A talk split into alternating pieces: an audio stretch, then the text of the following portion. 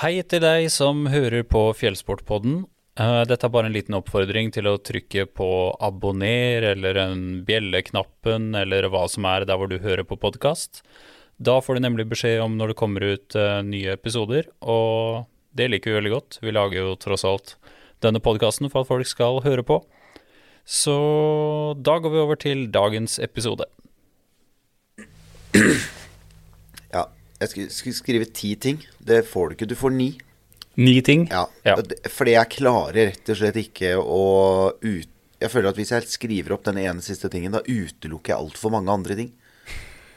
Jeg har for mye følelser til dette her, så jeg føler at liksom hvis den ene Nå skal jeg bare bruke et eksempel. Så skal jeg bare si sånn Ja, for da hvis f.eks. den Baltoro-sekken min Og så tenkte jeg med en gang Hvorfor har jeg ikke tatt med den?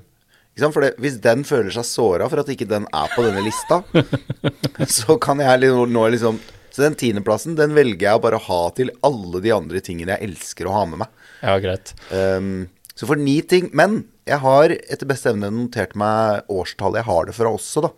For å prøve å, for å, prøve å ta med meg det.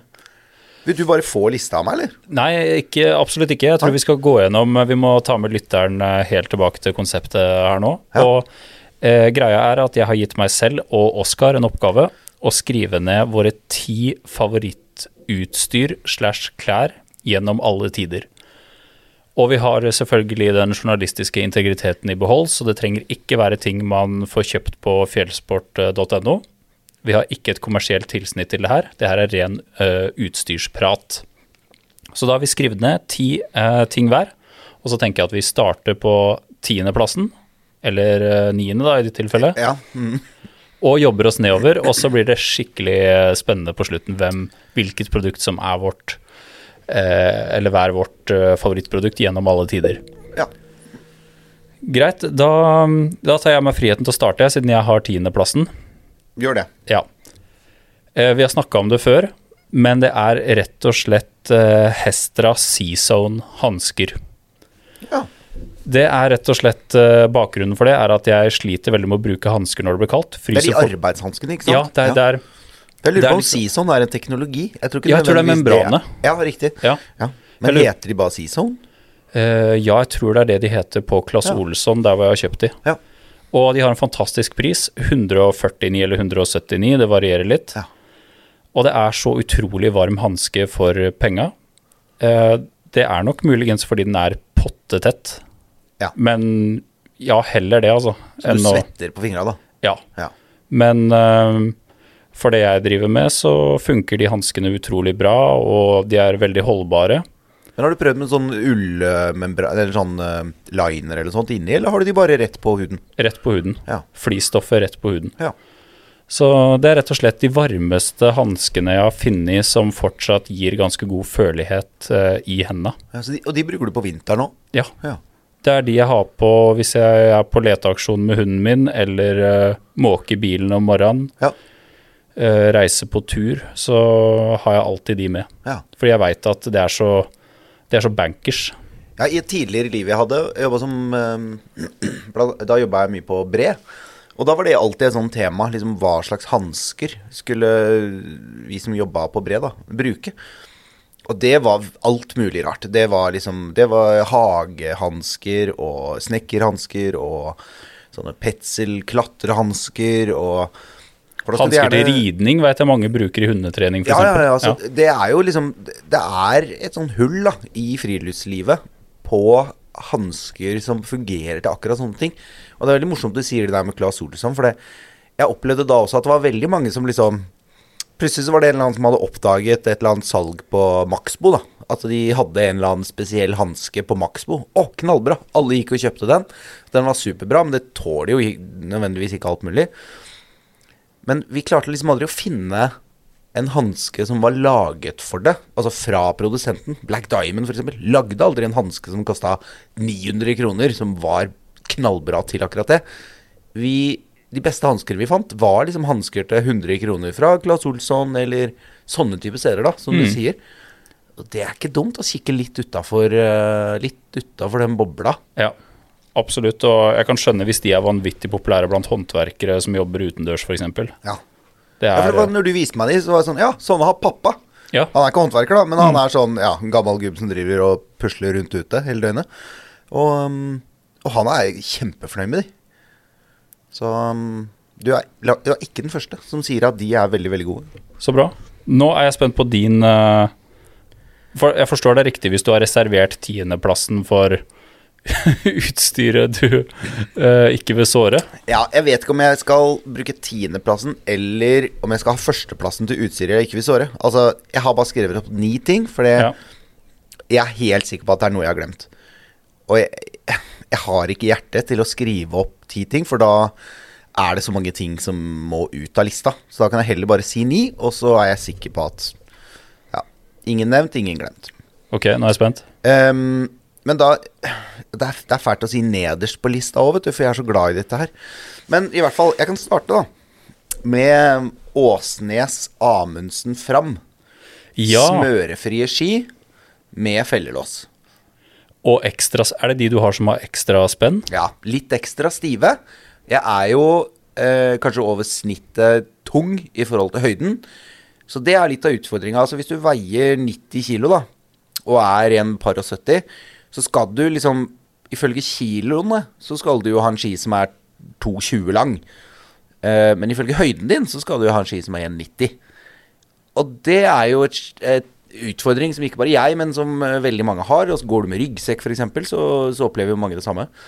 Og det har jo også Åsnes da, eh, skjønt, så de um, har jo laga en ski som er litt ekstra stiv på midten.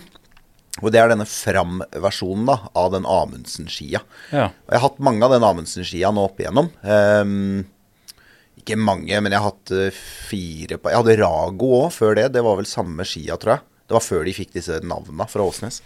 Da hadde alle skia nasjonalparknavn. Um, og um, nå kjøpte jeg en for to år siden. Da kjøpte jeg den smørefrie versjonen. Altså med sånn uh, fiskemønster under. ja sånn. Ja, ikke sant? Ja. Sånn som lagde sånn rislelyd når vi var barn. Det kan jeg si at det gjør de ikke lenger. Ja, bra. Det lager ikke den lyden som det, Men det var nok også noe at skia våre var laga av plastikk, tror jeg, som gjorde at det, det hørtes veldig tydelig. Og så har jeg selvfølgelig fellås, eh, som jo er standard på disse Åsnes-skia. Og det skal jeg være den første til å si, at jeg, eh, jeg kunne omtrent stifta fast fellene på skia mine. Ja. Nå gjør jeg ikke det, fordi jeg liker også å bytte forskjellige feller. Men jeg går alltid med feller på skia. Ja. Jeg har, eh, Det er forbruksvare for min del. Jeg har to-tre forskjellige typer feller. Eh, bruker det aktivt. Bytter de underveis på turen i løpet av dagen. Jeg har lange, jeg har noen som er korte, som jeg har klipp til, som gir litt mindre feste. Um, jeg går en del med pulk, uh, går en del med bard, så det, jeg, jeg er jo ikke ute etter å sette noen fartsrekorder når jeg går på, går på ski. Så kortfeller, helt fantastisk. Jeg elsker det. Um, bruker det masse. Uh, eneste jeg eventuelt kunne ønske meg, det var noen kortfeller som var enda lengre, faktisk. Sånn at jeg slapp i det hele tatt å bruke langfeller. Men uh, nok om Ja, det. ja. Ehm, Men jeg kunne Ja, jeg har um, Og jeg bruker smale kortfeller. Jeg har til og med tatt et par som jeg har klipt enda litt smalere enn det de var når jeg kjøpte de. Um, jeg har mohair for den type føre. Og jeg bruker det opp. Jeg bruker de i stykker og sliter de ut og kjøper nye. Det er en eh, billig investering for å få masse fine, gode skiturer. ja. Og så smører jeg de. Det er også et tips, da. Av vedlikeholder. Ja, vedlikeholde fellene. Jeg smører rett og slett skismøring rett på fellene. Men de skia der, det er Altså, jeg skjønner jo hva Amundsen sa når han liksom snakket om at de elsket skiene sine. Og når jeg går og ser på han, og jeg går over Hardangervidda og ser på han, så skjønner jeg at han kan si det. For da elsker jeg også de skiene når jeg går på tur med de. Ja. De er så gode. Neste på lista for min del, da, det er eh, rett og slett eh, Garmin Alpha 200i. Og det er eh, noe, et utstyr som jeg ikke har hatt veldig lenge, men som jeg har blitt utrolig glad i på kort tid. Jeg hadde før den derre Garmin Alpha 50 som Ja. jeg brukte, den hundepeileren, med taster. En annen ting som også var veldig fordel med den, var jo at den gikk på AA-batterier. Så du, det får du tak i hvor som helst, og du bare setter det rett inn, og så har du freshe batterier. Men nå er det oppladbart. Ja. Så det var egentlig en ganske stor bøyg for meg å kalle det levere inn den uh, Alfa 50 Ja. og si ha det til den, for den kan jeg i blinde. Men Men så fikk jeg utdelt uh, Alfa 200, og så ble det leteaksjon dagen etterpå. Og jeg ser meg ikke tilbake. Den skjermen er bare helt fantastisk. Og touchskjermen syns jeg fungerer utmerket, og det er jo bare som å knaste rundt på en, eh, på en iPhone da, kontra en eh, Nokia 8210.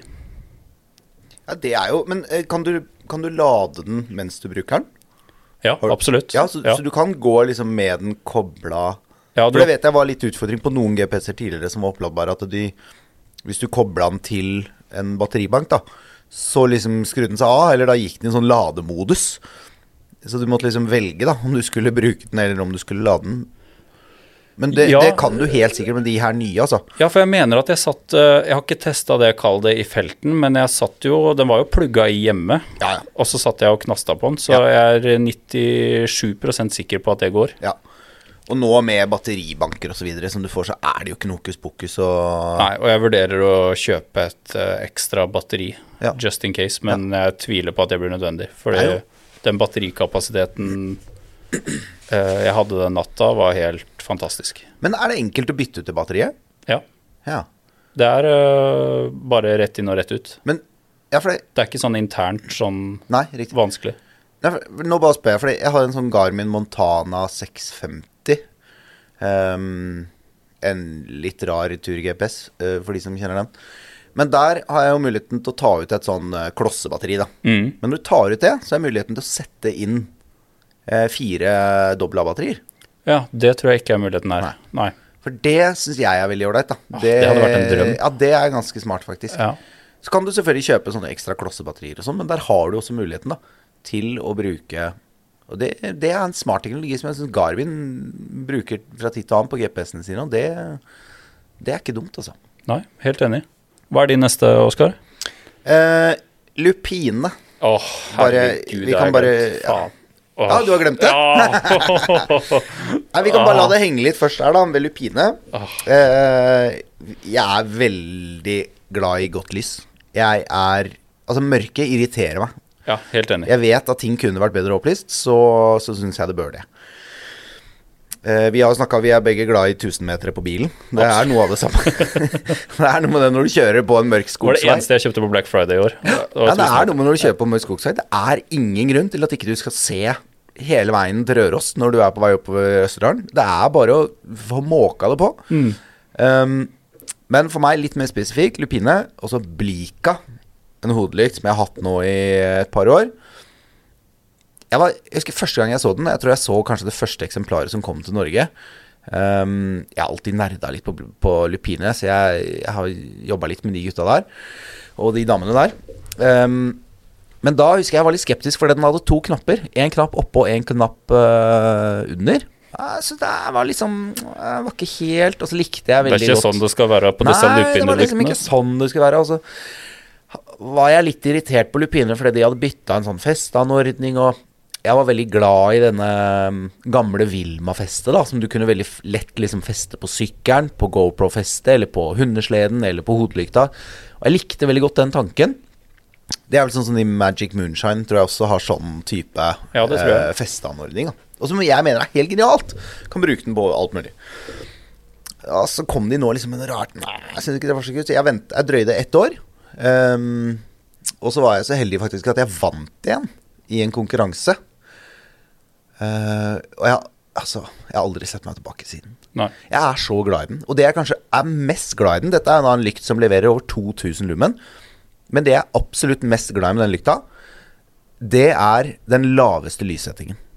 Ja. Den derre leselyslyset. Som er altså Det er et ordentlig behagelig lys å ha inne i teltet. Og det er ikke sånn ja, Jeg bare dimmer den ned, så, så leser jeg på det minst sterke. Nei, nei. Dette er helt perfekt å ligge i teltet og lese til. Det, det, det er helt nydelig. Sånn litt sånn flomlys som jeg kan bruke.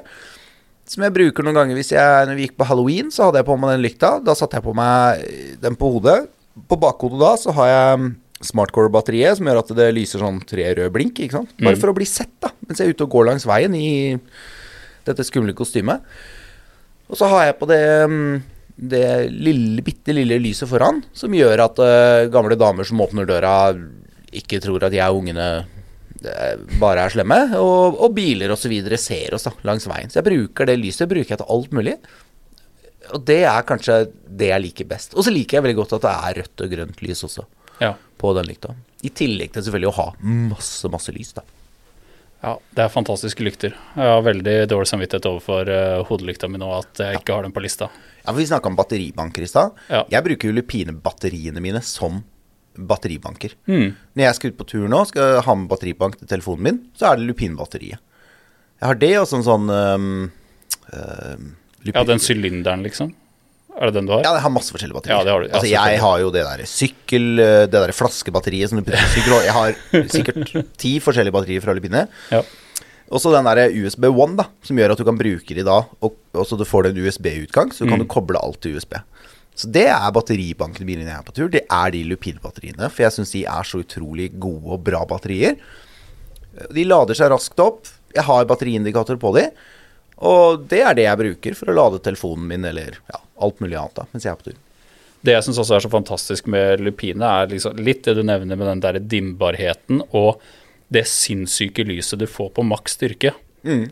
Uh, nå har jeg mast eh, litt om leteaksjonen allerede, da, men hvis man står oppå en liten topp og skal på en måte prøve å søke gjennom et lite dalsøkk eller et eller annet Når jeg vatter den pikoen Picoen opp på full styrke, da Det er et vanvittig bredt lysbilde, hvis du skjønner hva jeg mener? Ja.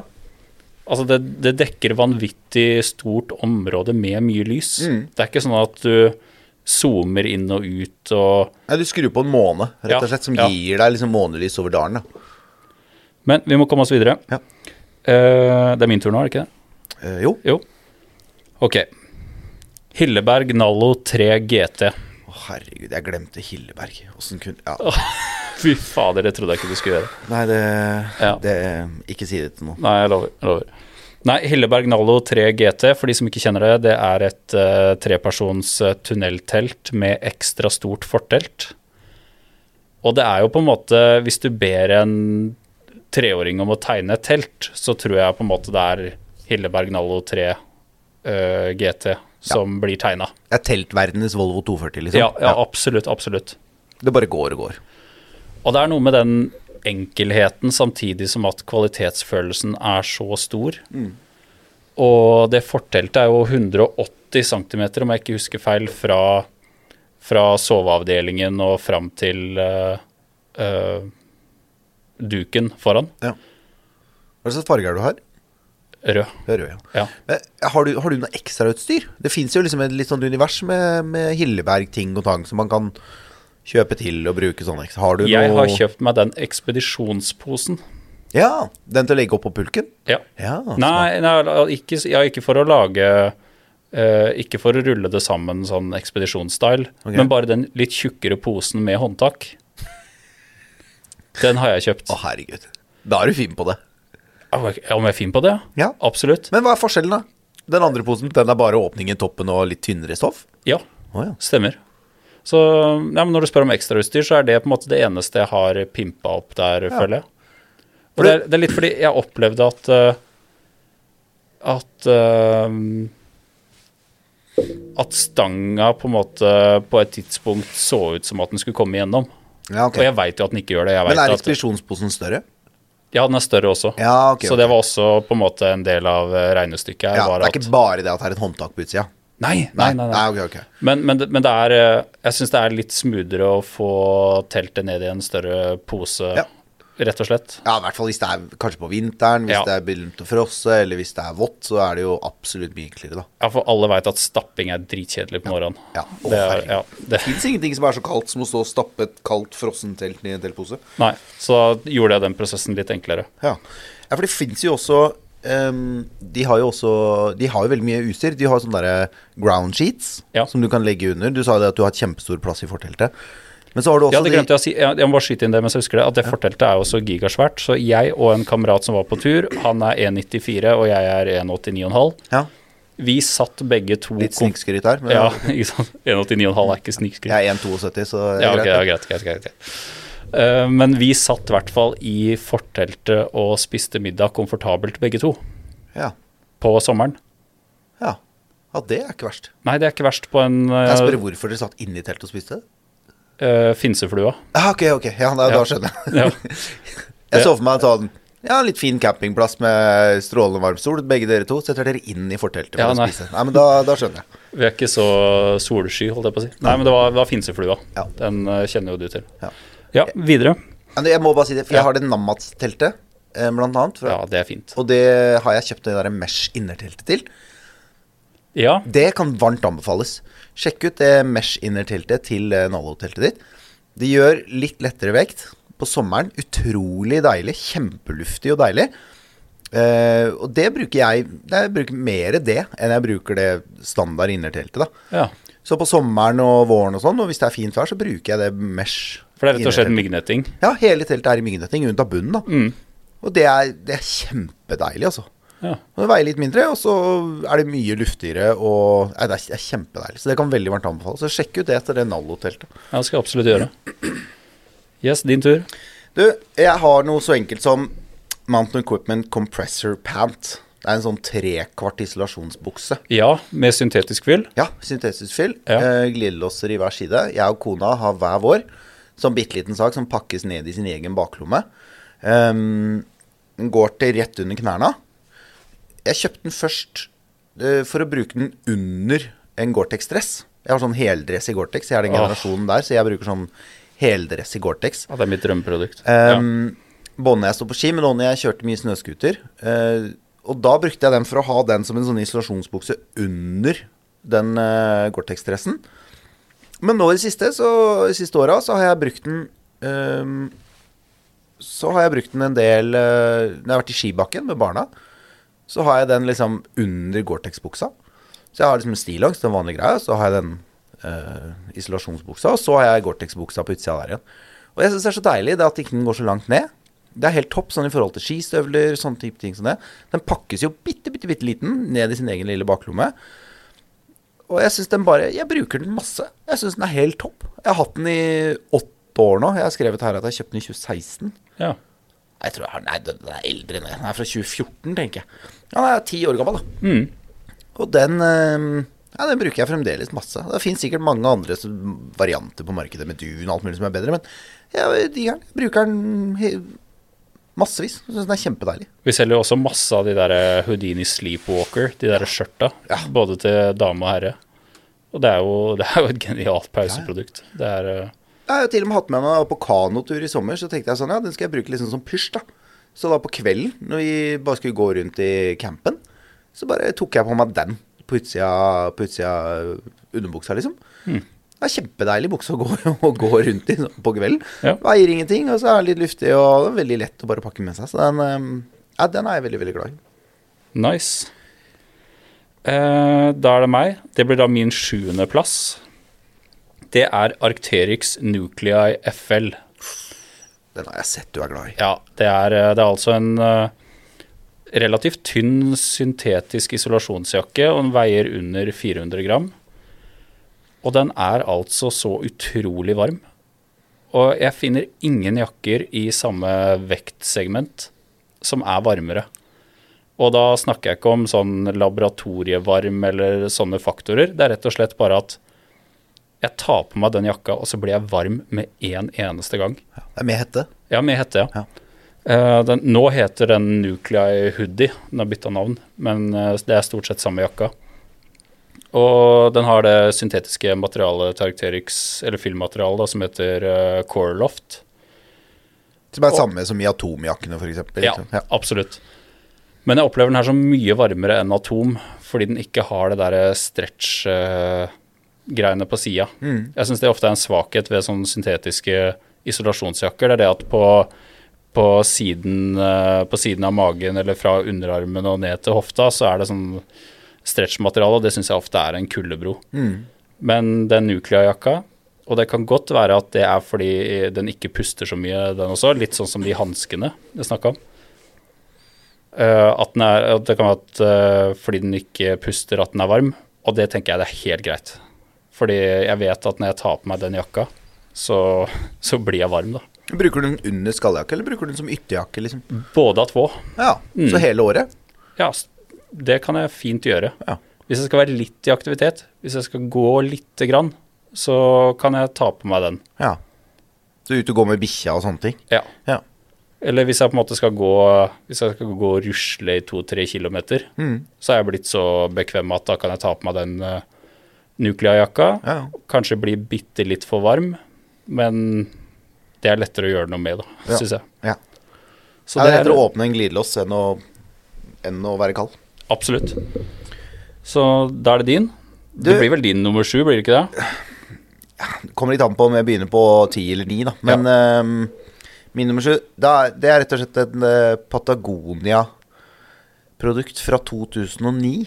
Ja. Og det er en Patagonia R2 fleecejakke. Åh, de, ja, de, ja, de R-jakkene, de er gode. Og dette var jo Den har jo endra seg litt opp igjennom, den jakka der. Um, Det er sånn highloft-flis. Beklager at jeg avbryter. ja, det er sånn uh, hårete, Ja. Mm. men ikke veldig lange hår. Mm. Um, jeg har også R1, eh, en versjon av den. Den har enda lengre hår. Den har også en, en vindtett krage i nakken. Ja. Dette her er en ganske sånn enkel uh, fleecejakke, egentlig. Den har, hvis ikke jeg husker helt feil, så har den noe sånn Riri-glidelås. For de nerdene som, eh, som vet hva det er for noe. Um, det er bare Jeg vet ikke, altså. Det, det, er, det er masse høl inn. Uh, jeg har måttet Jeg har brukt noe sånn eh, lim uh, for å fikse noen sømmer som har gått stykker. Jeg har sydd den et par ganger, litt sånn rundt omkring. Den har fått mye sånn glohøl på seg, så det er sikkert en 10-15 høl i seg. Men det er liksom Når jeg pakker og skal på tur Den har en brystlomme, og så har den to enkle eh, håndlommer. Og så er den ganske kort, da. Og veier ikke så veldig mye. Men når jeg skal på tur og driver og pakker, så har jeg veldig mye klær. Jeg har veldig mye utstyr å velge mellom. Men av en eller annen grunn så er jeg veldig sånn Den er så veldig trygg, da. Jeg vet Mm. alltid Jeg vet bare at dette her funker. For meg så er det er liksom jakkas 240. Det er ikke den mest sexy. Det er ikke den raskeste. Det er ikke den letteste eller den varmeste. Men jeg bare veit at den her Den bare funker, liksom. Jeg veit akkurat hva det er. Jeg blir aldri overraska over noe som helst av hvordan den jakka presterer, da. Men jeg tror det kommer til å være fellesnevneren med veldig mye av det utstyret vi prater om nå, Ja. er at det er en trygghet ved det, da. Ja, så For meg så var det liksom veldig tydelig sånn Det er mye av de tingene jeg har skrevet opp, da, som er sånn Ja, 2014, 2009, 2013 Jeg har noe her fra 2006. Så det er noe med liksom Det er de tingene som har vist seg over tid, at jeg bare Jeg kan slappe helt av. Jeg kan stole så blindt på det. Og den Patagonia R2-flisen Altså, er jeg, jeg, jeg er jo en sucker for Patagonia, da. Og da jeg, vet, jeg husker veldig godt at jeg var i en uh, fysisk sportsbutikk i Canada, første gang jeg var i Canada, og kjøpte den, den uh, jakka. Jeg husker akkurat hvor det var. Jeg, ikke, jeg har litt sånn emosjonelt forhold til den jakka. Um, jeg har mye fine bilder av den med den jakka. Jeg har brukt den, Det er veldig mange av hundene mine som har fått lov til å ligge på den når jeg har vært på tur. Så har det ofte vært liksom senga til bikkjene. Den har også vært liksom dyna. Jeg husker jeg hadde den rundt soveposen til tvillingene mine når de var babyer, for at de ikke skulle fryse. Så tok jeg den på utsida av soveposen og tok igjen glidelåsen. Og da tenkte jeg sånn Selvfølgelig er det den jakka jeg skal Mm. bruke til det. For den, Ja. har liksom, den har vært med meg på alt mulig. Du vet hva den står for. Ja, jeg vet veldig hva den står for. Bra. Eh, min nummer seks er, er eh, et produkt vi prata om i forrige episode med Thomas Werner. Og det er rett og slett Neos Navigator fotposer. Igjen et fantastisk eh, trygt produkt. Jeg har aldri fryst på tærne i, eh, når jeg har hatt eh, beina nede i de fotposene der. Og du kan nesten ha hvilken som helst sko du vil nedi. Joggesko, fjellsko, skisko osv. Og det er bare en utrolig garanti for meg mot å fryse på tærne. Mm. Og de er eh, vanntette. Og igjen, de puster ikke veldig bra. Det er nok litt av hemmeligheten bak mye som er varmt. da. Du er veldig glad i ting som ikke puster så særlig. Ja. Ja, det Men for all del, så ja. man ikke svetter så veldig heller, så lenge man er klar over det, så er det jo veldig deilig. da. Ja, og hvis man har litt selvdisiplin på å ikke sette ned sko som har mye snø under seg, ned i de posene der, så er fuktighetsnivået veldig håndterbart. Ja. Så ja, det er rett og slett de Neos eh, Navigator fotposene, og de kjøpte jeg på Folkehøgskolen. Eh, og de har jeg fortsatt. De har vært med på Femundløp, holdt på å si, som funksjonær i ganske kaldt vær. De har vært med på hundekjøringstur til Alaska og diverse andre turer etter det. Nå skal ikke jeg prøve å røpe noe mer på lista di, men uh, jeg, hvis jeg nevner Crocs Jeg vet ikke om jeg får noen reaksjon fra deg da. For jeg vet jo også at noen har brukt Crocs oppi de. Ja, det kan du. Det er klart da, du kan det det. første jeg tenkte, i det jeg tenkte Herregud, hvorfor har ikke jeg med Crocs på lista mi? For det kan jeg si, det kunne, det kunne faktisk veldig godt vært med på min liste, men det er ikke det, altså. Superlett, trekker ikke til seg fuktighet og er godt å gå i. Og det er, det er overraskende godt grep på bredis, har jeg funnet ut. men, Ja. men, eh, men ja, Crocs i Neosen, det er liksom eksempel også, da, på at Ja. det, det kan ofte holde. Ja. Og det har jeg sett masse folk som går rundt med. Er Ullstokker og Crocs og de eh, Neos-støvlene. Absolutt. Så der uh, kan det være greit å velge en størrelse større enn det du bruker til vanlig da, for å få plass til diverse sko. Ja. Ikke det plagget man går eh, mest kilometer i, men uh, når du står stille, så ta på deg de, så er du nesten bankers mot å fryse. Ja. Yes. Du, jeg har en Mountain Equipment Senja-jakke. Ja. Um, jeg har ganske mye dunprodukter. Jeg har ganske mange dunjakker. Uh, og isolasjonsjakker. Men jeg har en sånn grønn Senja-jakke som jeg har hatt siden 2013, tror jeg. ja. Og den er Den er ganske sliten. Den er ganske flekkete og fæl. Eh, men den bare er så god. Nei, du, er du, det er ikke en Senja. Er det ikke det? Nei. Eh, den heter ikke Vagabond, men eh, Vega? Vega er det. Nei, er det ikke Vega? Er ikke det dameversjonen? Nei. Nei, nei, nei. Jeg trodde Vega var dameversjonen. Nei. så var Senja herreversjonen. Nei. Herregud, dette er pinlig. Jeg, jobbet, jeg solgte disse jakkene en gang. Ja, nei, den, den er, det, er ikke den litt sånn todelt grønn? Jo. Jo, det er en, eh, det er en Vega. Åh, jeg trodde det var selv. Ok, Ja. ok. Mm, Ja, bra du, bra du retter meg. ja. Men jeg skjønner akkurat uh, hvem du Ja. mener. Ja, den Den er sikkert ikke like varm nå som den var når jeg først fikk den. Men den har liksom bare følt Den har vært med på alt. Og jeg husker fra første gang jeg fikk den, så tenkte jeg sånn jeg skal, Jeg skal ikke være redd for å få bållukt i den jakka her. Og nå har den lukta av sikkert 5000 bål i seg. Og jeg har sovet i den. Altså sånn Ikke bare sånn på vei hjem fra huset en sein kveld, men også sånn Det var planen min at jeg skulle bruke den som sovepose. Jeg har den med meg på jakt. Jeg har den med meg på øh, fluefiske på, på våren. Jeg har den med meg når jeg leverer i barnehagen. Altså overalt. Den, jeg bruker den jakka så mye. Den er full av sånne lapper, da. Sånne klistremerker. Sånne refleksklistremerker. Ehm, for det er jo massevis av hull i den. Men den, den bare er så god. Jeg liker den så godt. Glidelåsene fungerer kjempefint. Hetta er kjempevarm. Den jakka bare er helt topp. Ser litt sånn ut som en sånn skitten knarkermenn, men den er, jeg kommer aldri til å bytte. Så lenge den jakka lever, så, så ser jeg ikke noen grunn til å skulle kjøpe meg noe ny. Altså. Nei, den, eh, den husker jeg veldig godt vi hadde i butikken før. Mm. Og, nå får noen tilgis om den ikke heter Vega, men jeg veit veldig godt at det ikke er eh, At det ikke er Senja. Ja. Men eh, ja. Du, det kan veldig godt hende at jeg tar feil. Det er, og til alle dere som bor i Senja eller på Vega, beklager at jeg blander Senja og Vega. ja. Ok, da er det min nummer fem. Ja. Dette er et produkt jeg vant i en konkurranse her på jobben, og som jeg ble utrolig positivt overraska over. Og det er rett og slett Alfa Outback fjellskistøvel. Og for de som ikke catcher den umiddelbart, så er det en eh, fjellskisko med høy Gore-Tex gamasj nesten opp til knærne. ja. Innebygd gamasj. Innebygd gamasj. Ja. Og det er jo til litt forkleinelse for plass nummer seks, da, som er Neos Navigator fotposer, men jeg opplever nå at jeg tar med fotposene mindre på tur, fordi jeg har de Outback-skoa. Mm. De er utrolig varme, eh, mye varmere enn det jeg trodde først, og funker for meg også som en leirsko. Mm. Og er vel kanskje litt i andre enden av skalaen at hvis du er på en påsketur, så blir den nesten litt for varm når du går. Ja. Hva, du har jo også noen høye, nesten tilsvarende. Ja, jeg elsker de. Og før jeg hadde Jeg har jo nå hatt to par fra Alfa. Ehm, det ene var bare en reklamasjon, så det er derfor jeg har hatt to. De går jo omtrent aldri i stykker. Men eh, jeg har to par fra Alfa. Før det så hadde jeg Meindl. Ja. Eh, da hadde jeg to par med de. Det var litt mer sånn kompliserte greier. Det var med egen innersko. Eh, sånn dampsperresko og litt sånn. Ja. Um, Sånn sølvfolieskoaktig? Ja. ja. Eh, det er de veldig høye som er sånn signalgule, hvis noen kjenner igjen, ser igjen de. Det er veldig sånn vanlig sko på veldig lange, krevende turer.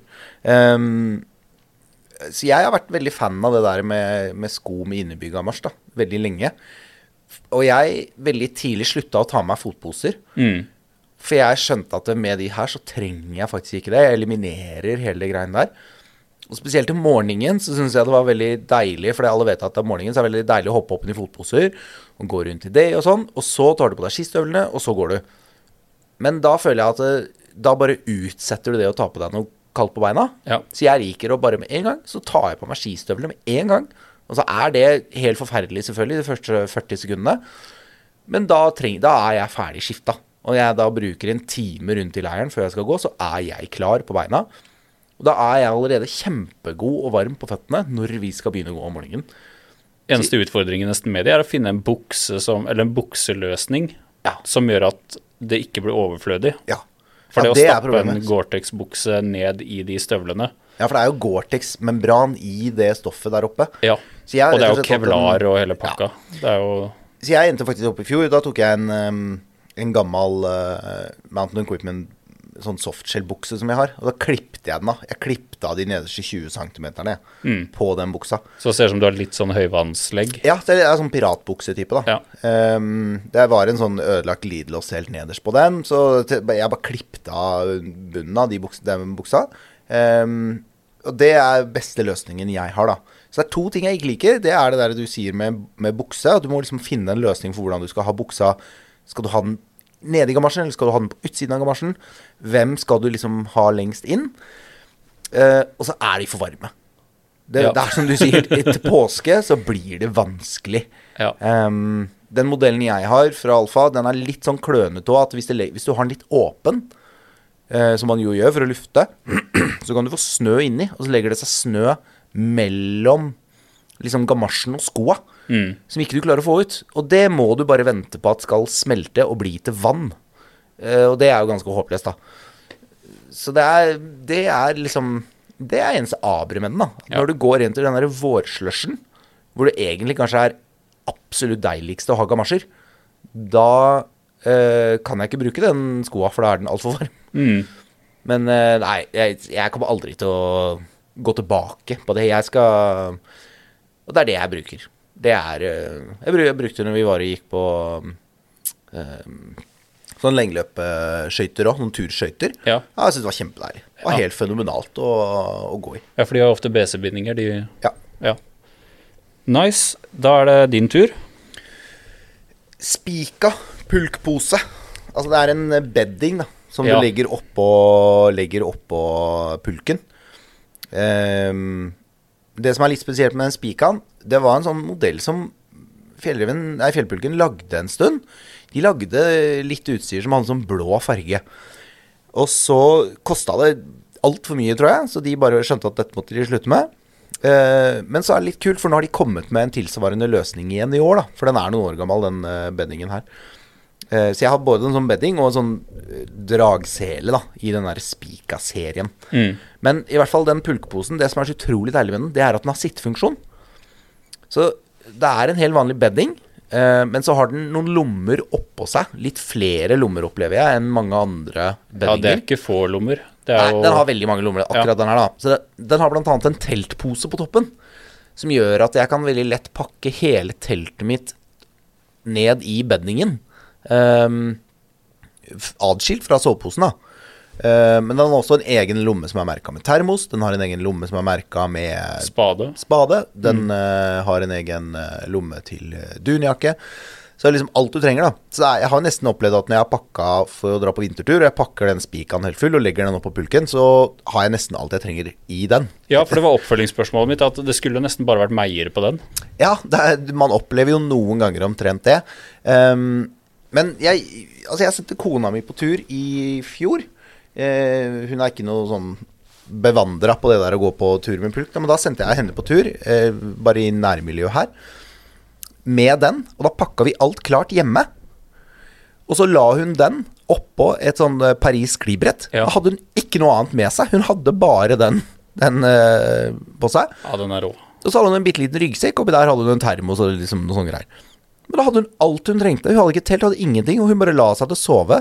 Rett på den spikeren, rett på den beddingen. Oppi der så lå jo allerede liggeunderlaget i en egen adskilt lomme. Eh, ferdig oppblåst. Og så lå den soveposen. Og alt var der. Alt var liksom ferdig pakka. Og så er det så utrolig deilig med den sittefunksjonen som gjør at du kan strekke opp ryggen, så du rett og slett får muligheten til å sitte inne i teltet. Ja, det er fantastisk. Ja. Og den, den er altså, Og jeg bruker den også faktisk en del uten telt, da.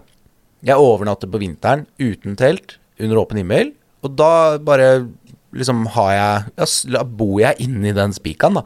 Så bare åpner jeg ned, altså fra hoftene og opp, da. Bare bretter jeg den ned, så ligger jeg med beina inni den spikeren. Og så har jeg sittefunksjonen om kvelden og morgenen, og det Jeg er veldig, veldig fornøyd med den beddingen med sittefunksjon. Altså. Ja, den er utrolig kul. Så er det min nummer fire. Det er et produkt jeg brukte i går. Det er Rab Batura dunjakke. Og det som er litt kult med den, er at den faktisk har 10 000 millimeter vannsøyle. Og er eh, overraskende nok utrolig varm. 10 000 millimeter. Kan du ikke bare forklare folk hva er, hva er det? Ja, 10 000 Altså Da kan vi kalle det vanntett. Ja, fordi jeg, jeg syns det er, ofte er litt vanskelig, fordi jeg syns det er vanskelig å kalle noe som er 10 000 millimeter bare vannavvisende. For å gi et perspektiv på det, så er liksom de råeste Gore-Tex-jakkene fra Arcterix og Mammut og flere andre har jo 28 000 millimeter vannsøyle. Ja. Så denne dunjakka har da 10 000. Hvis jeg sludder ute, Ja, så er ikke du stressa, liksom. Nei, er ikke, er ikke det også en lett eh, regnskur hvis det mot formodning skulle skje når det er så kaldt at jeg velger å bruke den jakka, så tenker jeg at det her er ikke noe stress. Mm. Og for min del så er det en veldig trygghet å ha den eh, vantete membranen på utsida. Mm. Og det produktet der er faktisk eh, Hvis man skal tenke litt sånn estetisk også, så er det, det er et av de produktene som virkelig jeg fikk eh, ståpels av å se. Oi. Og det er ikke et produkt jeg kjøpte nytt. Jeg var faktisk inne på en sånn der content-artikkel på VG hvor det var sånn derre De beste dunjakke beste dunjakkene til salgs på finn.no nå. Ja. Og så gikk jeg inn på den content-artikkelen, og så var den jakka der. Jeg brukte nøyaktig tre og et halvt sekund på å bestemme meg. Jeg pruta ikke engang. Nei. Det var, det var den du var forelska, du. Ja, helt forelska. Sånn todelt uh, gul og sort. Mm. Det er et eller annet uh, som tiltrekker meg. Det er kanskje fordi jeg spilte på Sem før. Ja, det kan At, være. at det er liksom gul og sort som er eh, nærmest hjertet. Men i hvert fall, pruta ikke engang. Fikk den hjem i posten. Helt fantastisk. Det er et ja, det er et vanvittig bra produkt. Nei, den ser unektelig bra ut. Jeg skal ikke, skal ikke ta fra deg det, altså. Jo, takk for det. Ja, den er kul, den. Helt i andre enden av skalaen, der finner du liksom mitt uh, neste produkt, da. Altså ikke at ikke jeg liker det, men eh, det er langt fra dunjakke. Jeg syns vi har fulgt hverandre ganske likt, da. Vi har Ja. liksom hatt klær, og så har vi hatt litt utstyr og noen. Men jeg har noe så enkelt som en Petzl spata. Altså det er en kniv Ja, mm, uh, med Den er liksom laget for klatring. Det er en sånn hull Det som gjenkjenner den veldig lett, er at det er en sånn foldekniv. Gjerne i litt sånn funky farger. Og så har den eh, et ganske stort hull i seg, som gjør at du lett kan feste den i en karabin for å kunne henge den på klatreselen. Eh, jeg har også en liggende i drivhuset hjemme. For det, bruker, det, det er en veldig billig enkeltkniv. Jeg bruker den til alt mulig. Jeg har flere av de. Jeg har ikke tall på hvor mange av de jeg har hatt opp igjennom, for de tåler ikke all verdens, altså, og jeg bruker de i stykker. Eh, jeg har en liggende i bilen. Jeg bruker de titt og ofte. Nå har den låsefunksjon òg, den eh, versjonen som er nå. Og det er Altså, jeg, jeg er så glad i de knivene. De er lette å slipe, lette å gjøre skarpe, lette å holde skarpe. Nå er det også serratert blad på de, da, for de som liker det. Eh, men det jeg Det er noen av de jeg har som er eh, såpass gamle at jeg har slitt bort alt den serrateringen når jeg har slipa de opp. For det er jeg opptatt av, da, skarpe kniver. Men ehm, jeg syns de er helt fenomenale. De tar så utrolig liten plass i topplokket. Og kniv må Jeg jeg liksom du har, du har en på den pulkedragsela di. Ja, blant annet der henger det. Og da for eksempel så liker jeg jo at det er en litt kraftig farge på den. Jeg liker at de er liksom Jeg har vel en som er oransje, og så har jeg en grønn og en blå. Um, jeg har en gammel som er blå og oransje. Jeg, jeg syns de er helt topp. Det er liksom en sånn minimalistisk, veldig enkel kniv som bare alltid kan være med uansett hva jeg gjør. Jeg har en hengende på redningsvesten min som jeg bruker på hummerfiske på høsten. Eh, jeg har den med i kanoen. Jeg har den med Det gjør ikke noe om den ligger i snøen, det gjør ikke noe om den ligger i vannet. Den, den er veldig enkel, og det er bare liksom Det er plastikk og metall. Mm. det er ikke noe som suger til seg vann. Jeg skyller den i ferskvann for å få av salt og rust osv. Og, og hvis den blir ødelagt, eller hvis jeg bruker den i stykker, eller hvis jeg mister den, eh, så koster den ikke all verdens. Det er ikke den store liksom Jeg har gitt den bort til venner og bekjente. Det er sånn, hvis folk kommenterer det, eller sånn, så sier jeg vet du hva, den, den skal du få. Det er hyggelig. Og da kan jeg kjøpe en ny en. Nå får jeg selvfølgelig også litt rimeligere eh, priser på sånne type ting når vi kjøper det her på Fjellsport, da. Men allikevel, lenge før jeg begynte i Fjellsport, så var jeg en storforbruker av den kniven der. Så den, um, Ja. den kan varmt anbefales, altså. ja. Det er ikke noe sånn fingervern, det er det eneste som er negative, så den er ikke så veldig god for barn. Pysevern. Ja, pysevern. Men ehm, for voksne folk som har holdt i en kniv før, så er den eh, helt, helt topp. Så bra. Neste min er kanskje litt uh, omstridt. Eh, det har vært et uh, veldig stort moteprodukt i Norge. Men uh, da jeg var på Kan jeg gjette? Nei, ikke helt. Ok. Uh, men da jeg var på folkehøyskoleturen til Alaska og liksom var ute over veldig lang tid og sto på hundesleden og alt sånt, så merka jeg virkelig hva det produktet her sto for og var lagd for. Nå kan jeg gjette. Bucklux. Nei, ikke. Eh, det er rett og slett Canada Goose Expedition. Det. Parkas. Jeg, jeg tenkte først Så tenkte jeg det er Crocs han snakker om. Nei, Men så, når du sa hundeslede. Nei. og så når du sa hundeslede, så tenkte jeg å ja, det er det Muklux, ja. Det er det, han, det er det han henviser til. Men selvfølgelig Expedition-jakka, ja. Ja. Uh, I mørk blå. ja. Den er så jækla bra fordi nummer én, den har vanvittig mye lommer. Du har den fremdeles, eller? Jeg har den fremdeles. Den ligger i en bod på Sem. Eh, og så er det ytterstoffet. Tåler alt. Hundeklør, uh, bålglør. Altså ingenting kommer gjennom der. Og noe som også er så fantastisk med de jakkene, er at den har en sånn elastisk mansjett som hånda kommer ut gjennom. Som bare struper liksom at det ikke er noe kuldetap eh, ved håndleddet. Og det er liksom detaljene med den jakka. Og ja, den har pels. Det er kjipt. I know. Men eh, da jeg kjøpte den jakka, så var jeg Jeg var under 18 år og visste ikke hvilke moralske valg man skulle stå overfor senere i livet. Men den jakka Men du tok et valg om ikke fryse, da. Jeg tok et valg om ikke fryse. Ja. Det er helt riktig. Og altså, lommene selvfølgelig er flisbelagt. Der hvor du liksom stikker henda inn når du fryser på henda. Det er alle de der detaljene der som eh, gjør at den jakka er helt vanvittig bra. Og så synd at den blei et moteprodukt i Norge. For du har også litt erfaring med det merket. Ja, jeg, Det er jo et, blodseriøst en- merke. Ja, jeg jobba i en forretning som uh, solgte de. vi solgte nok Det var i Longyearbyen, det her, da. Og vi solgte nok flest jakker til mennesker som skulle bruke de uh, i Bogstadveien. Ja. Ehm, eller andre steder rundt omkring i verden. Brygga i Tønsberg. Ja, for eksempel. Ja. Ehm, og, men vi solgte den også veldig mye til eh, mye forskere. Vi solgte den mye til folk som eh, typisk kom til Svalbard for å trene på eh, utstasjonering til Antarktis. Um, vi solgte den mye til ekspedisjoner. Vi solgte den til ja, forskere, filmteam. Jobba litt med BBC. Um, Var det ikke de som kom inn og skulle ha 30 stykker eller noe? jo da, jo Ja. da. Så øh, Og selvfølgelig, vi hadde jo Vi leverte jo ut noen særs unike Canada Gooser i uh, lyse blå.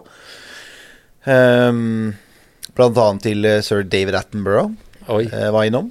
Så vi uh, Jeg hadde Vi jobba mye med de jakkene, og ja, det var et sånn hat-elsk-forhold, for man var jo vel klar over hele tiden at dette var et sånn moteprodukt. Ja. Um, og så var det jo selvfølgelig alltid mye diskusjoner om det der med at ok, det er ikke fake pels. Nei vel. Men den fake pelsen, ja, den kommer ikke fra oppdrett. Nei vel, det er bra. Nei, det var heller ikke bra, for da kom den fra sånne trappers. Mm. Ja, hva er galt med det? Nei, for det, da er det noen av de da i Minnesota som bruker sånn revesaks. Oh, ja, det er jævlig. Ikke sant? Det da, så det ble liksom aldri noe Jeg, jeg fikk liksom aldri noe greie på det. Det, det, det kua seg liksom aldri, da, det derre hat-elsk-forholdet. Um, jeg har en jakke av de fremdeles. Jeg hadde en del jakker av de og en del klær av de. Jeg hadde en lue blant annet som var så varm. Altså, altså det var den ekspedisjonen Se for deg den jakka du har, da. I Mm. lueversjon. Ja, ja, ja, Dunfylt lue. Den er van vanvittig fin. Ja. Og jeg elska de produktene. Mm. Til sitt så var det helt, helt utrolig. Å stå på hundeslede, jobbe med forskere, jobbe med filmteam osv., så, videre, så var det et utrolig bra arbeidsplagg. Og så tenkte jeg som sa at ja, ja, de får gjøre det de vil, de som går i Bogstadveien med den jakka der. Men det er ingen som allikevel kunne ta fra Canada Goose da, at de var det foretrukne merket blant de gutta som skulle sitte og se på den isbjørnen i den kameralinsa i 28 timer i strekk. Mm. Eller han som skulle sjekke boreprøver i Antarktis i tre måneder. Så var det allikevel For da bryr du deg ikke om noe annet enn å være varm, Mm. og noe annet enn kvalitet. Men de bruker også Kranagus. Det er fantastisk. Så det er det ikke tvil om. Jeg må innrømme, jeg har på Finn-varsel på Snow Mantra. Ja. Det er jo den verste av de. Ja, Det er den raffeste, med glidelåser i siden. Og jeg bor i Stokke, det er helt teit. Men, men jeg, jeg kan ikke noe for det. Altså den Snow-mantraen, i likhet med eh, Baturaen eh, og sånn, det gjør noe med meg. Så eh, hvis noen har en Canada Goose Snow-mantra i størrelse medium eller large de har lyst til å bytte mot noe annet kult utstyr, så får de kontakte meg på shalfakullfjellsport.no. For det er blant annet den som har sånn øh, plastikklomme på brystet.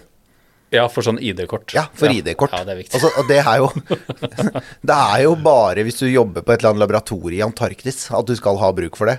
Men det er allikevel ganske fett. Ja, og det er, det er en av de få jakkene som kommer standard med lange glidelåsdragere. Mm. På en måte, Den er lagd fra fabrikk for å bruke med svære votter. Da. Ja. Så, Altså, det er eh, Ingen kan ta fra de det, da. Nei, altså, de, er, de er ekte. De lager helt rå, unik kvalitet.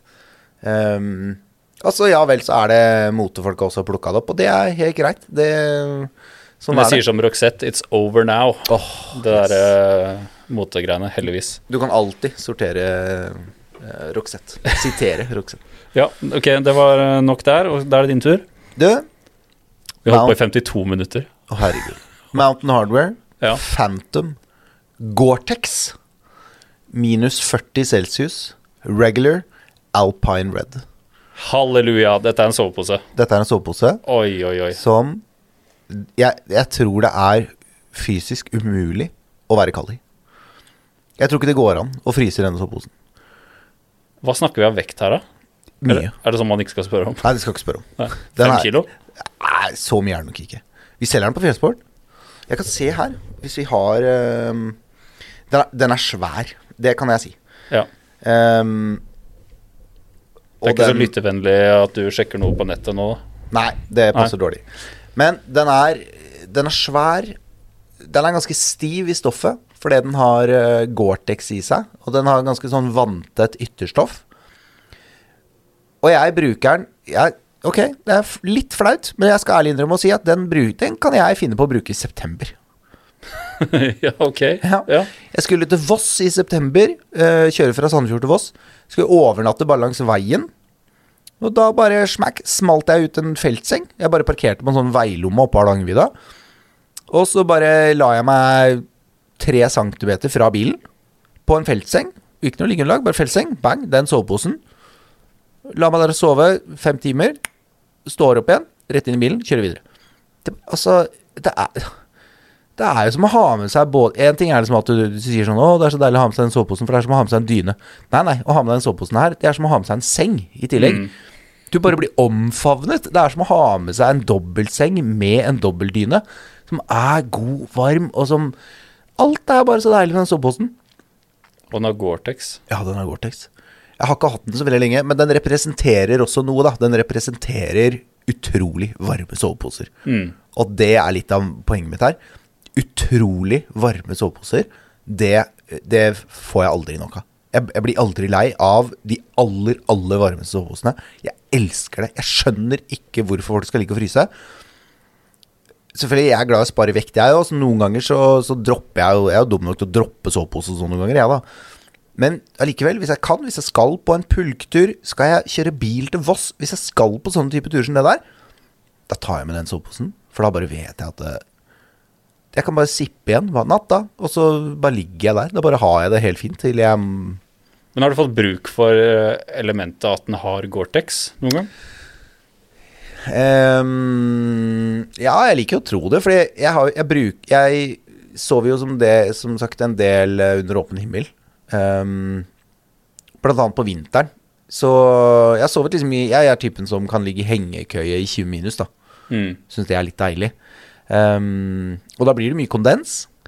Um, jeg har også lagt meg liksom med den soveposen på et sånn eh, Setlight-liggeunderlag Ja. rett på bakken og snødd ned i løpet av natta. ja. Um, sånn at jeg våkner om morgenen, så ligger det fem centimeter med snø oppå hele soveposen. da. Og det uten at jeg er noe våt, eller uten at soveposen blir noe våt, eller uten at jeg blir noe kald av den del. Da er det liksom bare å børste av alt det, da. ja. Det Så alt det bare perler seg liksom oppå soveposen. Og det som eventuelt smelter av den temperaturen som jeg slipper ut, det bare renner av. Så det er ingenting som trekker inn i soveposen. Um, så ja, jeg har liksom Jeg har ikke noe sammenligningsgrunnlag, for jeg har ikke ligget ved siden av en som har hatt en sovepose Nei, som ikke har gjort gjort det samme. skjønner, skjønner. Men um, Og så har jeg ikke brukt den soveposen i en snøhule. Naturlig nok, for det blir jo ikke så veldig kaldt i en snøhule. Men ehm, jeg har ligget ute og, og snødd ned, altså Ja. med den soveposen og følt at uh, ja, takket være den Gore-Texen, så har ikke det vært noe problem i det hele tatt. ja, det er godt svar, det. Yes. Uh, nå innser jeg at på andre, tredje og fjerdeplass så har jeg uh, tjukke dunjakker. Og min andreplass, det er rett og slett Nonstop-parkasen. Første utgave. Ja. Jakka. Ja, jakka het den, ja. Mm. Stemmer det. Dette er bare jakka med stor J. Ja, det er, det er jakka med stor J. Ja. Og antall funksjoner som er på den jakka, er helt vanvittig. Mm. Det er jo egen camelback-lomme på ryggen, sånn som vi prata med Thomas Werner om. Mm. Det er eh, eh, neopren eh, Jeg oppfatter det i hvert fall som neopren nederst ved håndleddet. Mm. Et område som gjerne blir fuktig, ikke sant. Mm. Den har en vanvittig god hette, og selvfølgelig 40-14 forskjellige lommer. Og i likhet med Canada Goose Expedition, så har den et ytterstoff Mm. som tåler vanvittig mye. Ja. Har den bukseceller? Uh, nei, det kom på Det var neste versjon? Det kom på neste versjon. Ja. Uh, og den har også 10 000 millimeter vannsøyle. Ja. I likhet med den Baturaen jeg nevnte i stad. Altså, nå, nå er jo det betimelige spørsmålet her Ja. Hvorfor har du både den og Balturaen? Ikke still sånne Nei, okay, er kjipe greit, er spørsmål. Altså, Det, ja, Rediger bort det der. Det er greit. Ja, Det Ja, ikke sant. Jeg bor i Stokke. Det, det er litt teit, jeg veit. Men øhm, Jo, jeg kan egentlig svare på det. Baturaen greier jeg ikke bruke på hundetrening. Nei, for du er litt forsiktig med den. Ja. Ja. Uh, jeg har ikke noen grunn til å være forsiktig med en annet enn at jeg vil at den jakka skal være med meg til jeg ligger i kista. Ja, riktig. Eh, mens den Nonstop-parkasen har jeg litt mer som sånn røff bruk. Der tåler jeg også bålelukt. Ja. Det er Så- litt mer et bruksplagg. Ja, Ja. litt mer sånn Skal ikke si at jeg er mindre redd for den, men, men uh, den blir brukt litt røffere, da. Ja. For vi driver jo ofte og gjemmer oss på sånne kalde industriområder. Det skal gjerne se litt skitten ut. Ja, jeg syns det. Jeg Ja. syns det. Så Og så syns jeg det, den jakka er veldig kul, fordi den er utrolig bra til å være sånn førstegenerasjons parkas fra et merke som lager hundeutstyr. Ja, Og så heier vi jo litt på Nonstop, da. Både vi. du og jeg. Det er jo litt kult. Det Ja, er litt Vi er sånn jo hundefolk begge to. Ja, men altså starta de jo, som du sier, de er norske. De starta litt sånn ut av ingenmannsland. Og begynte liksom først med noen hundegreier fordi de var sånn Ja, det fins et, et høl i markedet, og det er ikke noen som lager disse tinga her. Og så etter hvert så skjønte de at alle de som bruker disse hundetinga, altså menneskene, da, ja, de mangler jo noen greier, de òg. Mm. Og da var det liksom, ja, da kommer det en jakke, og så har de kommet med noen bukser, og så har de jo på en måte skjønt etter hvert at det, de fyller jo et høl her med, med ting som ikke For det er veldig mange hundekjørere, som du sa, har jo brukt den der Expedition-jakka. Den er jo for tung. Ja. Den er for stor og for tung, og hvis den blir våt, så er det helt ute å kjøre. Den mener jeg da, den er for mye. Men den jakka, den er liksom en hybrid da, mellom den der lette dunjakka og den eh, Canada Goose-parkasen da, som veier 11 kilo. Jeg er helt enig, for du kan ikke drive med hundekjøring og så ha noe sånn superlight klatre-dunjakke med tynt ytterstoff. Nei. Det går jo liksom ikke. Så jeg er helt enig, de har funnet en veldig fin eh, Så det er jo kult. Ja, det er kult det de får til, både med jakker og bukser og alt mulig. Ja, vi Så lager de så kule ting. Det er som du sier, de legger en Altså, ja, vi skal ha en eh, lomme på ryggen til en camelback. Det er jo, det er jo utrolig kult. Mm. Jeg husker da den kom i den der um, kongeblå fargen som jeg har. Du ser sikkert for deg den jakka. Mm. Ja, ja, ja. Den ble jo også, husker jeg, revet bort fra lageret vårt på veldig kort tid ja. da den kom. Så, men jeg tror ikke den rakk å bli et uh, moteplagg, da. Nei. Men uh, jeg husker det var veldig stor etterspørsel etter den. Jeg har alltid tenkt på, det, på den jakka som Det er veldig mye jakke for pengene. Mm. Det er utrolig liksom mye jakke. Du får, du får masse bruksområder for den jakka der. Ja. Om du hadde jobbet, om Hvis jeg jobba i barnehage, hadde jeg kjøpt den tvert. Ja, helt enig. Hadde jeg jobba som guide på Finse, hadde jeg kjøpt den tvert. Mm. Så den eh, Ja, hvis jeg bare var møkk lei av å fryse, hadde jeg kjøpt den tvert. Ja, og hvis du skal stå skvist mellom to konteinere på Borgeskogen Ja. i en halvtime, den er helt fantastisk. ja. Ja. Nei, men bra. Da er det din uh, ish andreplass. Ja, jeg har notert meg det her som nummer to. Jeg har som sagt en åpen førsteplass. Ja. Men jeg har et produkt fra 2006 Ja. som er Altså, dette produktet Jeg, jeg har ikke tall på hvor mange ganger eh, jeg har fått varme og kjærlighet Åh, fra dette det produktet er. her. Jeg vet hva det er. Ja. Jeg har fått så mye glede Ja. ut av dette produktet. Selv om jeg til tider har behandla det som dritt. Det må jeg kunne si. Jeg har behandla det skikkelig ræva.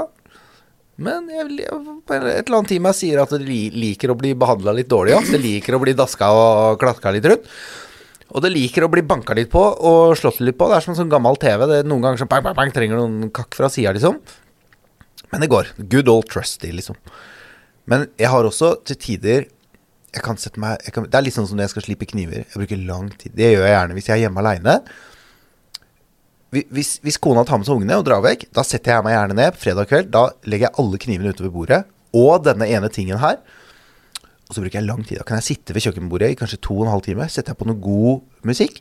Og så sitter jeg først og sliper alle knivene. Og så tar jeg fra hverandre bit for bit og renser hele MSR XGK XR-brenneren min. Oi, oi, oi, oi. oi. Og da, og da, kan jeg, da kan jeg liksom sitte og mimre alle de koppene med kaffe. All den snøen den har smelta for meg. All det vannet den har kokt. All den maten den har svidd og brent. Og jeg har sittet og hata den brenneren fordi det ikke går an å justere det varmen på den. Og bare uansett hvor mange ganger jeg prøver å steke et speilegg, så blir det bare Altså, det blir bare altfor varmt. Altfor fort. Kan du lage din beste MSR XGK EX uh... Ja. Og der sitter jeg kanskje 100 meter unna. Ja. Og det, jeg lærte jo tidlig at de gutta som har laga MSR, det er jo noen gamle karer fra flyindustrien. Og det er jo fra Boeing, og det er jo én ting som er helt sikker, og det er at lyden Lyden tok de med seg fra flyindustrien. ja Jetmotor. Ja, for det høres jo ut som en jetmotor. Og det er liksom Det er to ting du hører i et telt da når du fyrer opp en XGK, og det er den suselyden, og så hører du 'hæ?' Mm. For det er ingen som hører hva hverandre sier. Men, det er lyden av trygghet. Ja, det er lyden av trygghet. Ja. Og den, altså Jeg har gått igjennom isen med den brenneren, og den har vært klissvåt. Ikke noe problem. Fyrer opp. Jeg har Den har bare vært igjennom så utrolig mye. Og den er helt fenomenal. Og jeg stoler så mye på den brenneren. Den veier litt mer. Den er litt mer kronglete. Den er ikke så god å liksom skulle sitte og kokkelere og lage mat på. Men den bare Altså Den gjør akkurat det jeg vil at den skal gjøre. Den bruker ganske lite bensin på å produsere noe helt vanvittige mengder med watt. Ja. For å, i mitt tilfelle, veldig ofte da, smelte snø og koke vann. Og det må jeg si, det, det gjør den jævlig bra. Mm. Og det er Den er det som gjør at den kommer på topp for meg. Det er fordi uten det vannet Det har redda meg så mange ganger. Det å få vann, det å få varm mat, det å få varme i teltet, det har liksom Uten den, da, så hadde jeg ikke kunnet nyte noen av de andre tinga på den lista her heller. For det Hvis det er én ting jeg skulle hatt med i krigen, så er det den brenneren. For den er helt, helt rå. Så det er min Det er, det er toppen av lista mi. Jeg Skal ikke si at det er nummer én av alt jeg eier, men den er på toppen av lista mi, i hvert fall. Jeg blir nesten rørt, jeg. Ja. Ja. Nei, det, jeg forstår den veldig godt. Har du lyst til å gjette på min nummer én? Nei, vi har vært innom Crocs. jeg tror nok ikke det. Hvis jeg skal gjette, så er det fjellduken fra Jerven. Det er helt riktig. Det er helt riktig. Fora Hunter. Jerven Hunter eh, i eh, oransje eller fjell eller skog eller hva man vil ha. Vi har jo snakka om dette før, for jeg har jo ikke fjellduken. Nei, Jeg kan heller ikke skjønne ja, Jeg kan ikke skjønne hva folk skal med de greiene der. Men eh, det er greit. Det er greit. ja, altså, hvor skal jeg starte? Eh, igjen så er det det der med trygghet. Uh, I de testene som de har gjort med dette produktet, Uh, hvor de har liksom utsatt den for uh, sinnssykt med kuldegrader og vind, så er liksom konklusjonen at det er nesten umulig å fryse i hjel inni en sånn en hvis du ligger på et uh, skumgummiunderlag med litt klær på. Og det er, det, er, det er den følelsen når du legger deg inn i den, eller du tar den over deg i en pause, så er det den umiddelbare varmen du får. Og jeg har eh, brukt Jeg syns også den er veldig anvendelig. Du kan eh, bruke den som soveposeforsterkning. Da har jeg veldig ofte eh, brukt en kjempetynn, lefsete syntetpose inni, som jeg faktisk fikk til konfirmasjonen av onkelen min. Den bruker jeg inni, og så har jeg den utapå, og jeg veit at det er ikke sjans for å fryse. Nei. Den er så jæklig varm. Og jeg syns også vekta på den Jeg tror eh, den hunteren veier eh, eh, litt over en kilo. Ja. 1,3-1,4 kanskje. Det er med kamuflasje. Ja, Ja, det er sånn fjellkamuflasje på den, eller? ja. Ja. Du Ja. Jeg har både fjell og oransje. Ja. Ja. Eh, Du kan bruke den som telt. Mm. Du kan bruke den som sovepose aleine, og du kan bruke den som tarp. Og jeg syns det er et utrolig bombesikkert eh, produkt. Mm. Og det er jo ikke uten grunn at den er jo Kall det med i den førstehjelpsinstruksen eh, på veldig mange redningshelikopter og i Røde Kors og alt mulig, Mm. så er det det å pakke folk inn i en sånn en er noe av det råeste førstehjelpsmiddelet du får eh, ute i fjellet, da. Mm. Og litt i likhet med den MSR-brenneren du nevner, så er det her et produkt eh, jeg alltid eh, som regel pakker med. Mm. Og som jeg veit står veldig for den tryggheten og komforten. da. Og så syns jeg også Jerven er jækla morsom. Husker du de der eh, katalogene de hadde før? Ja, de har jo hatt noen kataloger som ikke egner seg i 2023, eller Ja. 2024, da. Ja. De har jo hatt litt bilder opp igjennom som er ja, folk som har seg inni de dukene. Ja. nei, det er ikke så, du, det er i hvert fall to bein som vender opp, og to bein som vender ned inn Ja. i en sånn duk, da. Men det er um, Jerven er jo De er jo kule, de. Det er norsk merke, det òg, da. Mm. Og de lager jo mye stilig. Det er sånn traust. Liksom, på, på en god måte. Da mener jeg ikke Ja. som negativ, men praus på en god måte. Det er Volvo 240, som vi har nevnt flere ganger nå. Ja. Funker alltid. Ja. Og ja, bare prøv det. altså Vær superkald, Ja. og sett deg inn i en sånn en. Jeg har jo aldri hatt disse jervendukene. Jeg har aldri liksom eh, hatt meg med en jervenduk heller. Men eh, jeg har faktisk kjøpt meg nå, bare for to uker siden, så kjøpte jeg meg den Nordic Ja, Hawk-versjonen. ja, stemmer. Den som eh, det merket Nordic Hawk har laget. Og det er jo liksom et tilsvarende produkt, da. Eh, må gå an å si det. Eh, Ja. Den er, er vel noen andre løsninger. Den har noen sånne armer Ja. som du kan liksom stikke faste armene armer. Ja, faste armer. Mm. Som ikke er isolert, da. Eh, men også en sånn ja, hva skal jeg si, sånn svært dynetrekk med glidelås, og du kan åpne det i alle retninger, og det er noe maljer og noe høl og Så den, jeg brukte den én dag når jeg satt ute i eh, snøvær på rådyrjakt. Um, jeg har liksom ikke brukt den nok til å kunne si at uh, ja, jeg frøs ikke, det var veldig deilig å sitte der da. Ja. Men- da har han gjort jobben sin. Ja, da har han gjort jobben sin, men jeg har allikevel ikke følt at det, det ikke var noe jeg vanligvis hadde erstatta med noe annet, da. Så jeg må sikkert bruke den mer for å liksom skjønne konseptet rundt det der å ta på seg et uh, telt da, som jeg kan gå rundt med. Uh, men det er jo ikke en overraskelse at du sier det, for det, det er jo veldig mange, tror jeg, som har det produktet der på toppen. I både kamuflasjeversjoner eller i de lett synlige versjonene, i de isolerte versjoner, i uisolerte versjoner. Jeg ser jo overalt i fjellet og i skogen og over havet. Folk bruker det jo hele året. I alle varianter og farger og versjoner. Og det er klart at eh, Det er jo ikke vanskelig å se at det er et produkt som fungerer kjempebra. Det har jo vist seg over tid at eh, det er jo et knallbra produkt. Det er et knallbra produkt som alltid leverer. Så for meg en uh, soleklar førsteplass. I løpet av praten her nå, har du kommet på noe? Er det noe vi liksom har snakket om som du tenker sånn ah, Det har jeg glemt. Er det noen helt spesielle ting som du ikke har med? Ja, det blir, men jeg tror det blir litt mer i generelle termer. Exped liggeunderlag. Ja. Altså, de har jo jeg har, jeg har aldri blitt svikta av det. Nei. Da er det jeg som har valgt feil Exped liggeunderlag. ja. uh, I så fall. ja. Så ja, hva med deg, da? Nei, det, er så mange ting. Jeg har veldig mange ting jeg er veldig, veldig glad i. En, Tenk at du ikke nevnte Hilleberg. Ja. ja, det, er, det er veldig rart, faktisk. Du er den største Hilleberg-ambassadøren jeg veit om. Ja, det er veldig rart. Jeg har jo mange Hilleberg-telt òg. jeg har jo generelt veldig mange telt. Jeg er veldig veldig glad i telt, så det er nesten rart at ikke jeg nevnte noen av de. Men ehm, nei, det er mange ting jeg har et emosjonelt uh, Det er mange ting jeg har et emosjonelt forhold til. Så um, Så Ja, det er veldig mange ting jeg vet at jeg har glemt. Men jeg tenker at jeg skal ikke nevne de, i frykt for å ikke kunne si alle. Tror du noen hører helt fram til nå? Nei, det tror jeg faktisk ikke.